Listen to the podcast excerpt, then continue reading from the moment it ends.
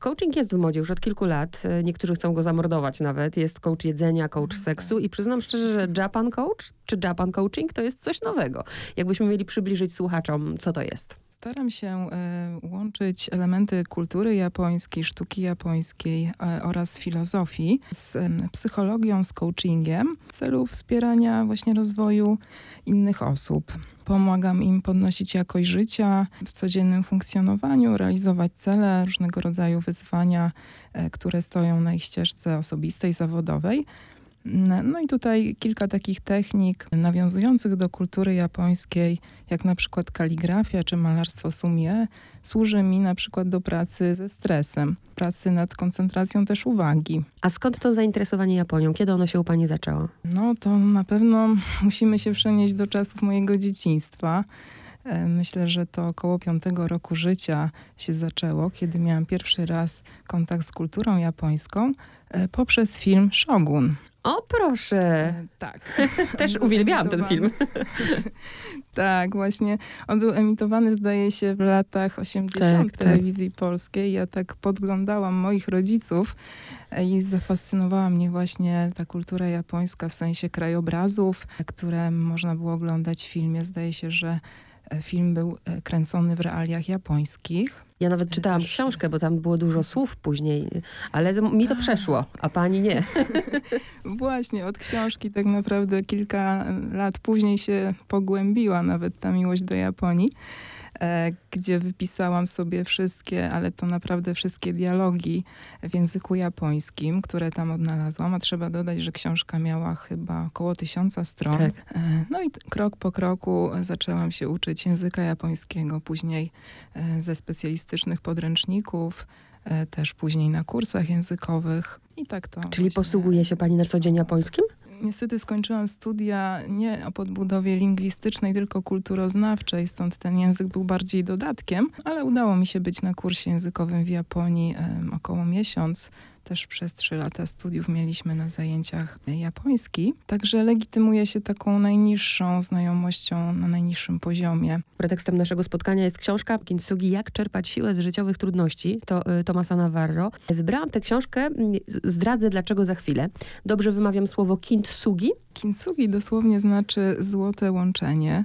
Też używa się innego jeszcze pojęcia kintsukuroi, czyli naprawianie złotem. Chodzi o taką mm, dosyć e, dawną, pradawną sztukę e, związaną z e, naprawą e, ceramiki, która mm, popękała przy pomocy laki zmieszanej ze złotem lub też z innymi metalami szlachetnymi. Tutaj Japończycy bardzo cenią sobie mm, taką kategorię estetyczną wabi-sabi, czyli poszukiwanie piękna w niedoskonałości.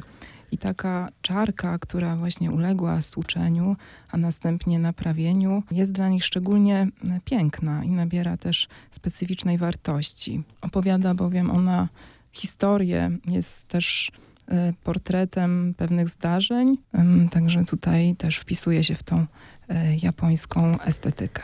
Jeszcze dwa słowa powiedzmy o autorze. Thomas Navarro jest hiszpańskim psychologiem e, z 20-letnim, czyli już bardzo dużym doświadczeniem w pomocy innym ludziom. E, Specjalizuje się e, w tematyce siły e, emocjonalnej, e, którą uważa mm, za przeciwieństwo odporności e, emocjonalnej, czy też przeciwieństwo poszukiwania szczęścia, które no, w dzisiejszych poradnikach e, motywacyjnych e, jest bardzo popularną e, dziedziną.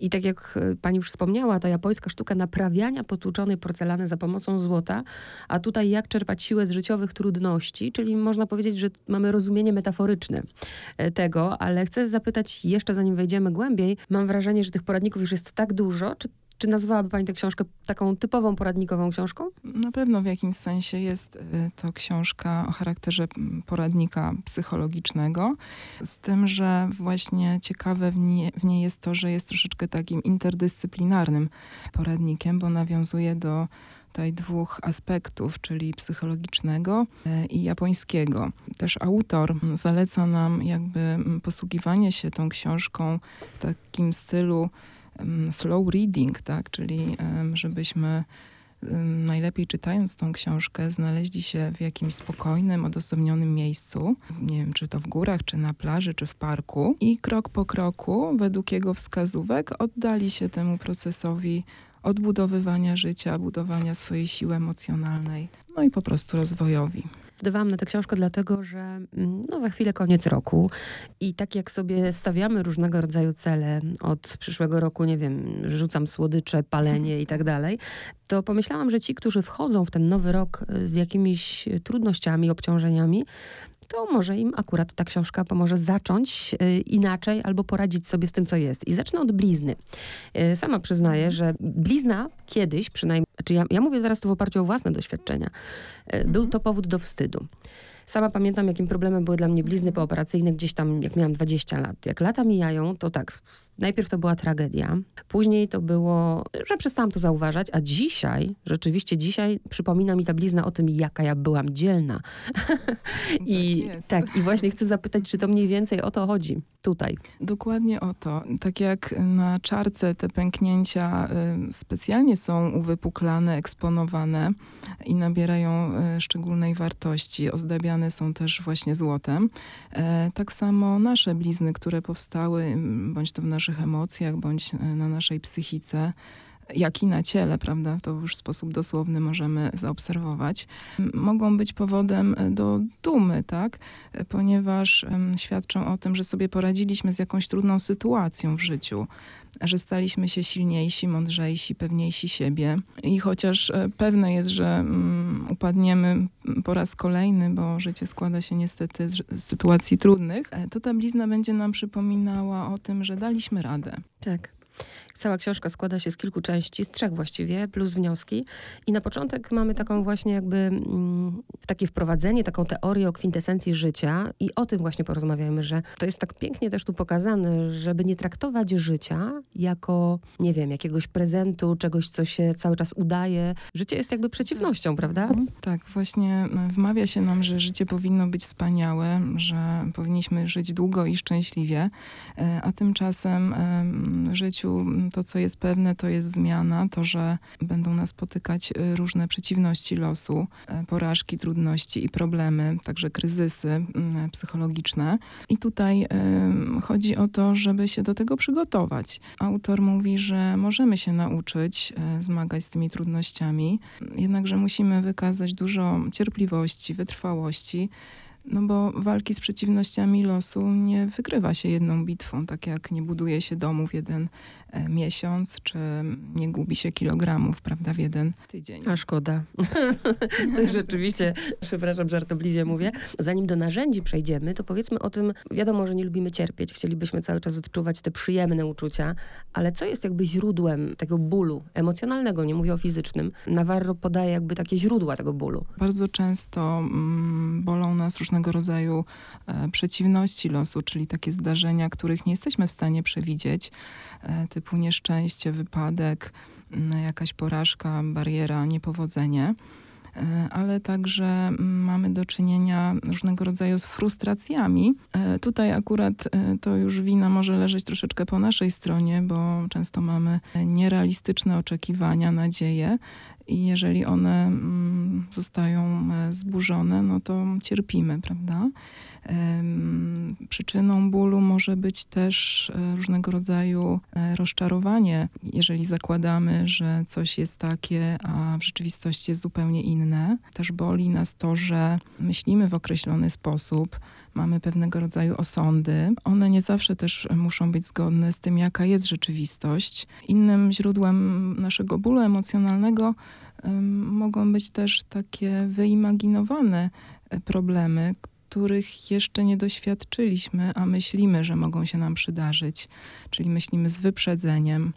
E, spodziewamy się, że nadejdzie jakiś kataklizm, pływamy na morzu strachu. Także cierpimy przez to, co się może nie wydarzyć nigdy. Ale tak jest rzeczywiście, że jeszcze, jeszcze coś się nie wydarzyło, a my już to tak projektujemy, jakby po prostu to już się działo. I teraz przychodzi osoba, nie wiem, czy pani stosuje oczywiście w swojej pracy mm, tę metodę, bo mogę to nazwać metodą, prawda, kintsugi? Tak, można ją spokojnie zaadaptować do swojej pracy psychologicznej, ale też osobistej, rozwojowej. Zachęcam do tego, żeby ci, którzy, których zainteresuje ta rozmowa, sięgnęli do książki, bo tutaj się nie da przez chwilę powiedzieć, ale chociaż o takich, nie wiem, dwóch, trzech technikach przychodzi ktoś z problemem i zdecyduje się właśnie pracować tą metodą kintsugi, to jakie narzędzia tutaj mamy? Autor ym, proponuje nawet swego rodzaju metodologię, którą możemy opisać w kilku etapach, y, jak sobie poradzić e, z trudnościami. Pierwsze, co nam radzi, to pozbierać te wszystkie kawałki, które uległy rozbiciu, stłuczeniu i powinniśmy zacząć od takiego największego kawałka, który ocalał. Być może jest to na, nasz jakiś zasób, może jakieś wsparcie ze strony innej osoby. E, dokładnie oczyścić, e, wyszlifować te krawędzie, nie chować, broń Boże, niczego do szuflady, bo ten kawałek i tak będzie się domagał naszej uważności. I tutaj też e, radzi nam oddzielić te kawałki od takich zabrudzeń, zanieczyszczeń, którymi może być na przykład nasza frustracja, złość, rozgoryczenie. Kolejnym krokiem, do którego warto przejść, jest analiza sytuacji. Możemy to zrobić tak metodycznie w postaci nawet raportu, gdzie zadamy sobie kilka istotnych pytań, na przykład co się wydarzyło, dlaczego to się wydarzyło, jaka była nasza reakcja, dlaczego właśnie tak zareagowaliśmy, jaki dana sytuacja miała wpływ na, na nas, na nasze otoczenie, wreszcie czego się nauczyliśmy z tego doświadczenia. Wyciągamy później wnioski, e, czyli tak e, jakby nadajemy rzeczywistości nowe znaczenie archiwizujemy tą przeszłość, żeby ona nigdy już nam nie wracała. Czyli zamykamy pewien rozdział życia. Następnie przechodzimy mm, do etapu mm, odnajdywania swojej siły emocjonalnej. E, I tutaj jest to związane z analizą swoich zasobów, możliwości, technik, którymi dysponujemy, bo tak naprawdę zawsze mamy wszystko, czego nam potrzeba, e, żeby mm, odbudować swoje życie. Kwestia tylko połączenia z tym, aktywizowania tych zasobów. No i najważniejszy etap to jest tak naprawdę działanie, bo wszystko inne bez działania mm, nie ma sensu, tak, tak naprawdę. E, I tutaj też autor zaleca nam aż 15 różnych czynności, które powinniśmy wykonać. E, jest to mm, też do znalezienia w książce. Nie będę Może 15 nie wymienimy, ale chociaż dwie. E, na przykład akceptacja zmiany, otoczenie się życzliwymi ludźmi, którzy mogą nas wspierać, uzyskanie perspektywy, dystansu do tego, co się wydarzyło. Jest tu taki przykład e, w książce, podaję, że nie pamiętam teraz, czy bohaterka ma na imię Carol, gdzie umierają jej rodzice i ona właściwie życie dla niej traci sens. Jest przykład podany tego, że rodzice wyrządzili jej większą szkodę, bo tak naprawdę chronili ją przed, przed życiem, bo tak można powiedzieć, że ona nie była przygotowana na to, że w życiu zdarzają się też trudne sytuacje. Tak, w naszym życiu jest tak, że te doświadczenia, które nam się przytrafiają, porażki, błędy, one tak naprawdę nas wzmacniają. I teraz unikanie tego tak naprawdę jest osłabianiem siebie, osłabianiem swojej odporności psychicznej. Trochę mm, możemy to porównać do drzew w lesie. One dzięki temu, że oddają się tym przeciwnościom, poddają wiatrom, burzom, najpierw mniejszym, później większym, to w jakiś sposób przystosowują się do tej wichury, która być może kiedyś nadejdzie, one dzięki temu się nie złamią. Bardzo ładnie pani powiedziała o tych, że nie chować tych kawałków, że zbierać je, bo one i tak po prostu są w nas. I kiedyś usłyszałam o takim ćwiczeniu, nie pamiętam gdzie, żeby sobie wyobrazić, to można mentalnie też zrobić to ćwiczenie, żeby mhm. sobie wyobrazić wszelkiego rodzaju zranienia, i to nie tylko mówię o fizycznych zranieniach, że gdzieś tam kiedyś się przewróciliśmy i mieliśmy ranę, ale zranieniach w znaczeniu też takim psychicznym, emocjonalnym i na przykład wyobrażenie sobie tego jako punktów, załóżmy czerwonych punktów na naszym ciele. I okazuje się, że tak naprawdę cali jesteśmy z tych kawałków potłuczonych. Tak, jesteśmy taką mozaiką, prawda, złożoną z naszych doświadczeń, e, z naszych przeżyć i wtedy dopiero tworzymy pewną całość, niepowtarzalność i nasz wyjątkowy charakter. Myślę też sobie, że jeśli ktoś nas słucha teraz i pomyśli sobie, no tak, łatwo im mówić, zaakceptować, e, spojrzeć z dystansu, ale to, co pani podkreśliła, że musi być to działanie, że bez tego działania nic się nie uda. Nie wystarczy sobie przeczytać książki poradnikowej, bo faktycznie w trakcie jej czytania wszystko rozumiemy i jest pięknie nawet. Po zamknięciu żyjemy nawykowo. Robimy to samo, co robiliśmy i, i, i, te same źródła bólu nas dotykają. I teraz najtrudniejsze pytanie. Jak, jak wytrwać, jak już zacznie się działać, żeby nie wpaść znów w tę starą kolejnę? Dobrze byłoby odnaleźć e, swoje ikigai, jak radzi też Tomas Navarro, e, czyli taki nasz powód do życia, e, do tego, że chce nam się rano wstać, na rodzaj sensu też życia. To jest taka nasza głęboka, wewnętrzna motywacja i tym, tym właśnie warto się kierować przy radzeniu sobie z różnymi trudnościami. Jakie ma Pani podejście? Już Pani zwolenniczką, żeby ten, że ten styczeń jest takim dobrym momentem, żeby zaczynać, czy właśnie wręcz odwrotnie, że 1 stycznia, a 12 już z powrotem wracamy do nawyków? Na pewno możemy wykorzystać e, tą naszą siłę noworoczną, wynikającą e, z chęci zmiany czegoś w swoim życiu. E, Przy czym nie możemy zmieniać wszystkiego. Powinniśmy zacząć e, od jednego małego kroku. E, Tutaj przychodzi nam e, z pomocą mm, inna mm, filozofia japońska, mianowicie kaizen, czyli e, droga mm, małymi krokami, zmiana małymi krokami w sensie doskonalenia i zdobywania coraz to większych osiągnięć. Czyli to mogę polecić, e, rozpisać sobie na kartce najlepiej to, co naprawdę chcielibyśmy e, wdrożyć e, w przyszłym roku w naszym życiu, przeanalizować wszystkie kroki i, działania, które będą nam do tego potrzebne, sprawdzić zasoby, jakie mamy, poszukać ich w sobie bądź w naszym otoczeniu, i zacząć od jednego malutkiego e, kroczku. Najlepiej napisać na kartce. W coachingu pisanie ma moc, prawda? Tak, to jest y, rodzaj pewnego zobowiązania, które już podejmujemy, jeżeli to się zmaterializuje. W jaki sposób to na nas oddziałuje pozytywnie i mobilizuje nas do działania. No i ostatnie pytanie, właściwie pytanie, to prośba o to, żeby, żeby naszym słuchaczom dać im jakieś zadanie w duchu y, kintsugi. Japoński Sylwester, jeszcze pozwolę sobie do tego nawiązać, różni się mm, od y, naszego świętowania. E, Japończycy udają się wtedy do świątyni e, w skupieniu i w ciszy słuchają 108 uderzeń dzwonów, które uwalniają ich od 108 przewinień, tak przynajmniej wierzą, i wchodzą w nowy rok e, z czystą kartą. Starają się zakończyć wszystkie mm, spory, wszystkie zaległe sprawy z minionego roku i tego chciałabym właśnie życzyć naszym słuchaczom, żeby właśnie udało im się wejść z taką czystą e, przestrzenią w nowy rok i zacząć ją zapisywać wedle własnych marzeń, pragnień i celów. Dziękuję i tak od razu pomyślałam w tym duchu i nie chować tych kawałków pod dywan. Tylko właśnie Nadać im nowe Tak. znaczenie. bardzo Pani dziękuję za tę rozmowę. Dziękuję bardzo.